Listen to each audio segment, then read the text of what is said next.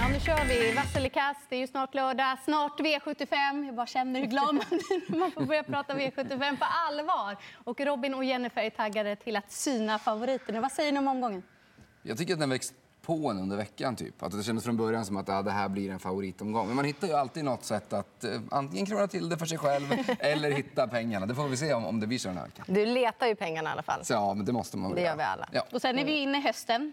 Det blir ju ändå en del som tappar lite form, några nya som kommer och så yttre förutsättningar som kan ändras också och göra det lite tuffare. Och en bana som vi inte har 100 koll på heller. Det får man ju följa upp under morgondagen. Hur vädret är och hur underlaget är. För tidigare har den varit lite lös. Nu ska den bli stum då, enligt Björn Karlsson. Så spännande att se. Mm. Vi kör igång och börjar i V75 1. Det är bronsdivisionen över lång distans. Och favorit är från springspår nummer 7, Castor de Start. 37% just nu. Nej, jag gör ändå sådär. Eftersom han är startsnabb och kommer han till ledningen, ja, då är det definitivt testen att slå. Men det är ändå skillnad på springspår och springspår. Han har spår 7, det är inte spår 6. Och Ova Lindqvist är offensiv. Han har spår 1 med ett Maybach VF och där vill man definitivt köra. Skulle det bli körning, nummer 12, Final Whistle. Magnus är ljus upp där. Han brukar lösa det från spår 12. Så att jag tycker han känns spännande. Formen sitter definitivt där. Mm. Ska du, Sandra? Jag kör grönt. Då. Jag tror på Castor de Star som faktiskt är obesegrad efter fyra försök i voltstartslopp. Han är väldigt startsnabb, har ju spetsat på springspår tidigare. Även från spår 5 i volten har han öppnat bra. Så jag tror att det är den troliga ledaren och han har ju varit så pass bra nu på slutet. Verkligen visat form. Någon har påpekat i veckan att han har inte vunnit över distansen men han har ju varit ute i riktigt tuffa sammanhang. Och den avslutningen han levererade i försöket i derbyt, det var ju strålande över den här distansen. Så jag inleder med spik. Det gör jag också. Men inte på Castor de Star. Eh, jag spikar ett Maybach VF.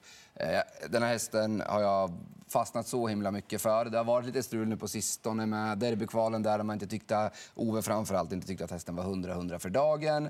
Och så eh, senast då att det saknades lite form igen. Eh, nu ändrar man ju huvudlag, eh, sätter på det helstängda istället för Cancy Back som det var senast.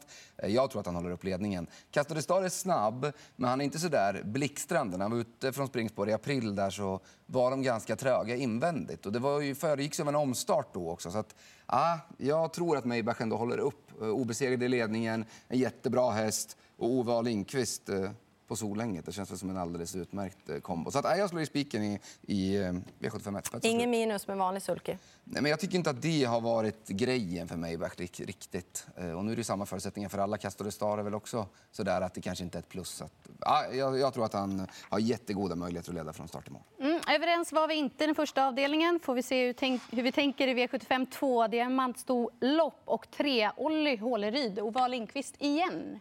Mm, nej, men det är helt givet att gardera sig. Jag då, även om jag tror att det är bästa hästen, hon kan absolut vinna. Men spelprocenten är lite snedvriden. Jag tycker att det finns eh, intressanta hästar där bakom och hon är inte rutinerad. Jag tycker man ställer för höga krav med 63 procent på just Olle Håleryd. Eh, jag tycker 8 Facing Life eh, har eh, tänt till på barfotabalans. Eh, given där bakom har ju ändå smygläge. Och sen 11 Twigs Intense var jag inne på senast. Nu är läget betydligt krångligare. Men skulle det lösa sig så formen är där på henne i alla fall. Mm. Nej, det får bli rätt. Och det är ju mer utifrån ett eh, spelmässigt perspektiv att 63 procent är för högt. Eh, jag är inne på helt samma linje som du Jennifer, med att det för höga krav på Olli Håleryd. Även om jag är tämligen övertygad om att det är bästa hästen. Och nu växlar man ju upp ytterligare lite huvudlagsmässigt till den här eh, starten då, kontra hur det var senast på V75 då hästen gjorde topplopp. Det är ju en riktig röra där bakom. Det är svårt liksom att sortera ut dem. Eh, 14 Jamaica Boko tyckte jag såg fin ut senast. Och det kan ju vara en sån där att oj, är det så här mycket enklare hästar jag springer mot idag kontra tidigare och bara sköljer över dem och så är det inte så hög eh, insatsprocent. Så det är väl en som är värd att passa. Sen eh, Magnus A. Djuse, han har ju varit borta en sväng i USA men nu är han tillbaka och han vinner ju med allt. Så att den här Pretty and Evil är väl ingen häst jag har fastnat jättemycket för kanske så. så. Men Magnus har jag fastnat för så jag drar en lans för, för dem också. Mm, ni har sagt det viktiga kring Olli Håleryd. Jättebra, men den här procenten är ju alldeles för hög i det här loppet. Bara påminna att om man kollar de senaste fem till sex omgångarna, favoriter i diamantstorförsöket, ett favorit har hållit. I övrigt har det varit alltså skrällar under 5% Global Virgin, Twigs Intense, Kia Ora, Stepping Dream Girl.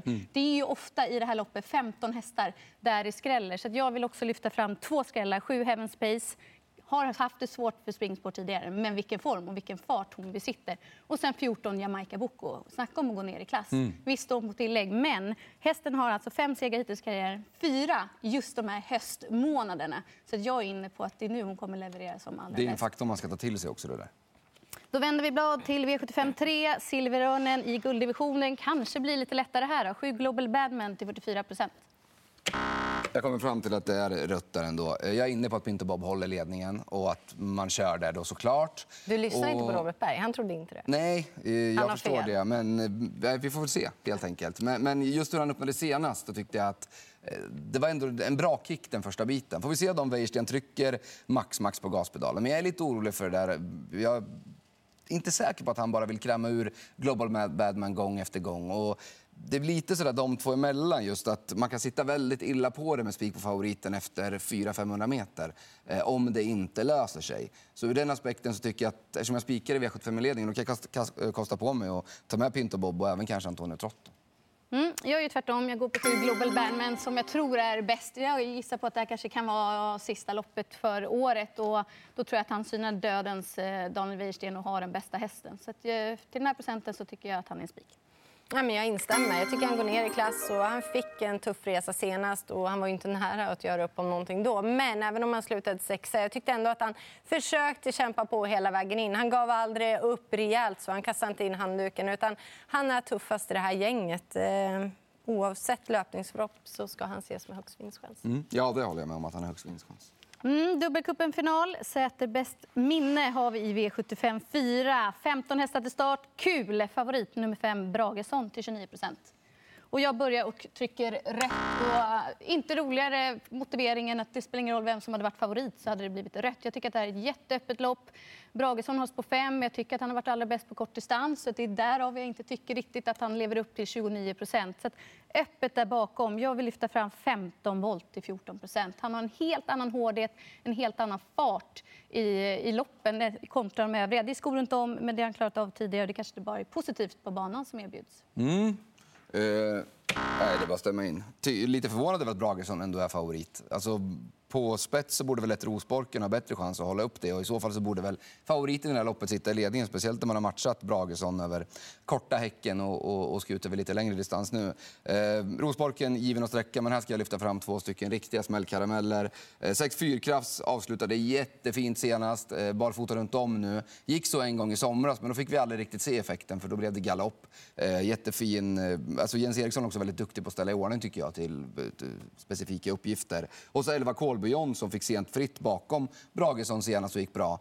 Eh, Magnus där också, det är ett eh, risigt läge men han brukar kunna ladda rätt in i smeten och hitta position. Så att hästarna 6 och 11 ska man inte missa här. Mm, fyrkrafts man jagar hela tiden. Nu har han börjat hitta rätt i alla fall, vara mer stabil. Nej, men givet att det blir rött. Jag tycker kallblodstränare och kuskar de brukar ha bra koll på konkurrenterna. Men till och med i deras huvuden verkar det ändå rörigt. De är inte heller överens om vem som ska vara favorit. Bragesson är jättebra och pålitlig, men det är ändå femte spår och medeldistans.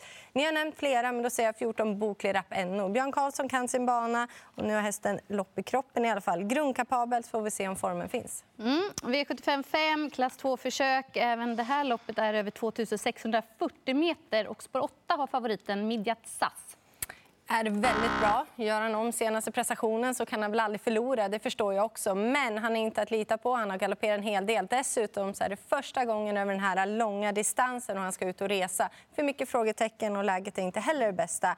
Jag tycker att King Kennedy, minnesspår där, känns intressant. Men skrällen för mig, det är utan tvekan nummer 12 Louis.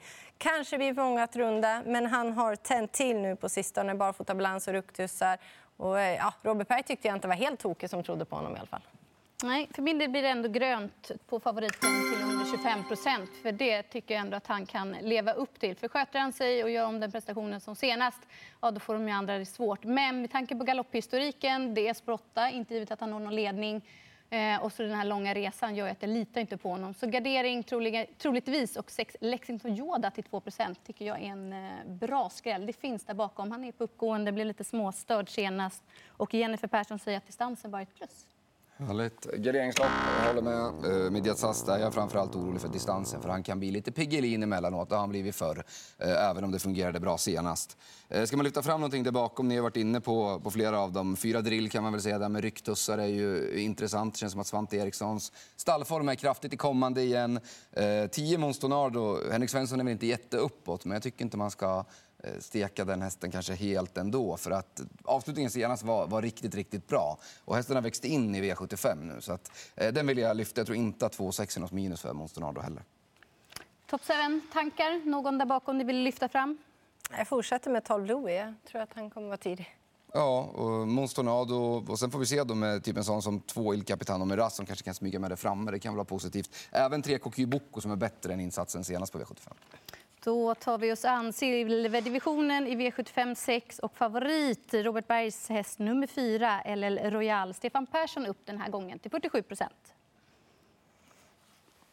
Nej, jag... Eh, alltså, det är jättebra häst och alltihopa, men som vi ska få ihop omgången och lite, lite spelvärde så tänker jag inte spika eller Royal. Det är väl möjligt att den hästen har klart högst segerchans, men jag vill lyfta en jättesmäll här eh, i 9 Speedy Tilly. Som jag tycker var jättefin och gick undan från ledningen senast. Då var snacket efter det att ja, men, den hästen är klart bäst i ledningen, men han har ju tidigare varit en enbart stark avslutare jättefint bakifrån flera gånger och vunnit V75 även från bakspår. Eh, visst, det är klart att det krävs både en och två stolpar in under vägsgång, men Micke Melander kan sätta dit dem till höga odds och 1 procent är ju på tok för lågt. 12 Titan Yoda gick ju jättebra senast också, den vill jag lyfta igen. Ja, men det finns roliga motbud, men det blir ändå grönt. Jag tror att El Royal har bra chans att hitta ett led igen. då är det hästen att slå. Och även om han har haft en lite lång säsong och tjänar mycket pengar så bär han dem också. Nu har man vässat till honom ytterligare, få honom rappare i benen och då kommer han ha bra spänst över mål också. Mm, jag tycker 47 ändå är lite överkant på 4 eller Royal och jag tycker väl egentligen inte att loppet är jättesvårt så jag tror att jag tar ett sådär, tre hästar som jag känner mig trygg med och det är ju favoriten sen 7 Amalensius BB och uppstickan 12 Titan Yoda. Jag tror mm. att det räcker med den trion så hoppas jag att det inte blir någon skräll just i den avdelningen. Däremot hoppas jag på skräll i avslutningen när det är 640 meter och eh, favorit just nu är nummer 3 Laredo Bocco som gör debut på kortdistans, 32 procent. Börjar du med dina skallar? Ja, då är det givet för mig som på Laredo när det är debut över kortdistans. Jag vet inte riktigt hur han hänger med. Han har ett bra läge, men sex Simsaki är min skräll i omgången som han har inte överpresterat på slutet, men man ser i skymundan nu att formen börjar komma. Han slog till och överraskade på V75 i fjol den här omgången. Bra läge, startsnabb, nu blir det blinkers överlag på och han står ju verkligen perfekt inmatchad. Eh, på kronan i det här loppet. Så det är min skräll i avslutningen. Kör du, Jennifer? Ja, men det blir ändå rött med tanke på som nämnde, det är debut över kortdistans. Osäker var han hamnar. För nummer ett, Kissing Boko älskar ju ledningen. Om man skulle hålla upp den så blir det ju tvärnej till favoriten att överta i sådana fall. Även om det är intressant, Magnus och Djuse kör och det är hans bästa chans i omgången. Jag tycker ändå 10 Declan är ju häftig. Nu vet jag att han har varit ute i elddop senast och var toppad inför det. Men i grund och botten är det en väldigt kapabel häst som absolut kan runda de här. Mm. Eh, jag stämmer in där gällande Declan. Jag tycker att eh, alltså de två intrycken när, när han gick barfota innan galoppen i derbyt. Han gick inte tom i någon av dem. Det var full fart över linjen. Sen är det klart att träningen är säkert nedplockad och inte samma hysteriska form. Men han går ju också ner i klass. Och, nej, jag älskar intrycket på den där hästen. Det skulle kunna landa i att jag spikar den till slut. Eh, annars är ju Laredo Bocco en, en rimlig favorit på sin kapacitet. Men ni har varit inne på de frågetecken som finns. Mm. Och eh, det blev endast en vass favorit, Global Bandman i gulddivisionen. Sen utöver det så var vi väl överens om att leta skrällar V75 2, Storna som ger upp och kallblodsloppet V75 4. Hoppas vi kan hjälpa till i jakten till sju rätt. Stort lycka till med V75.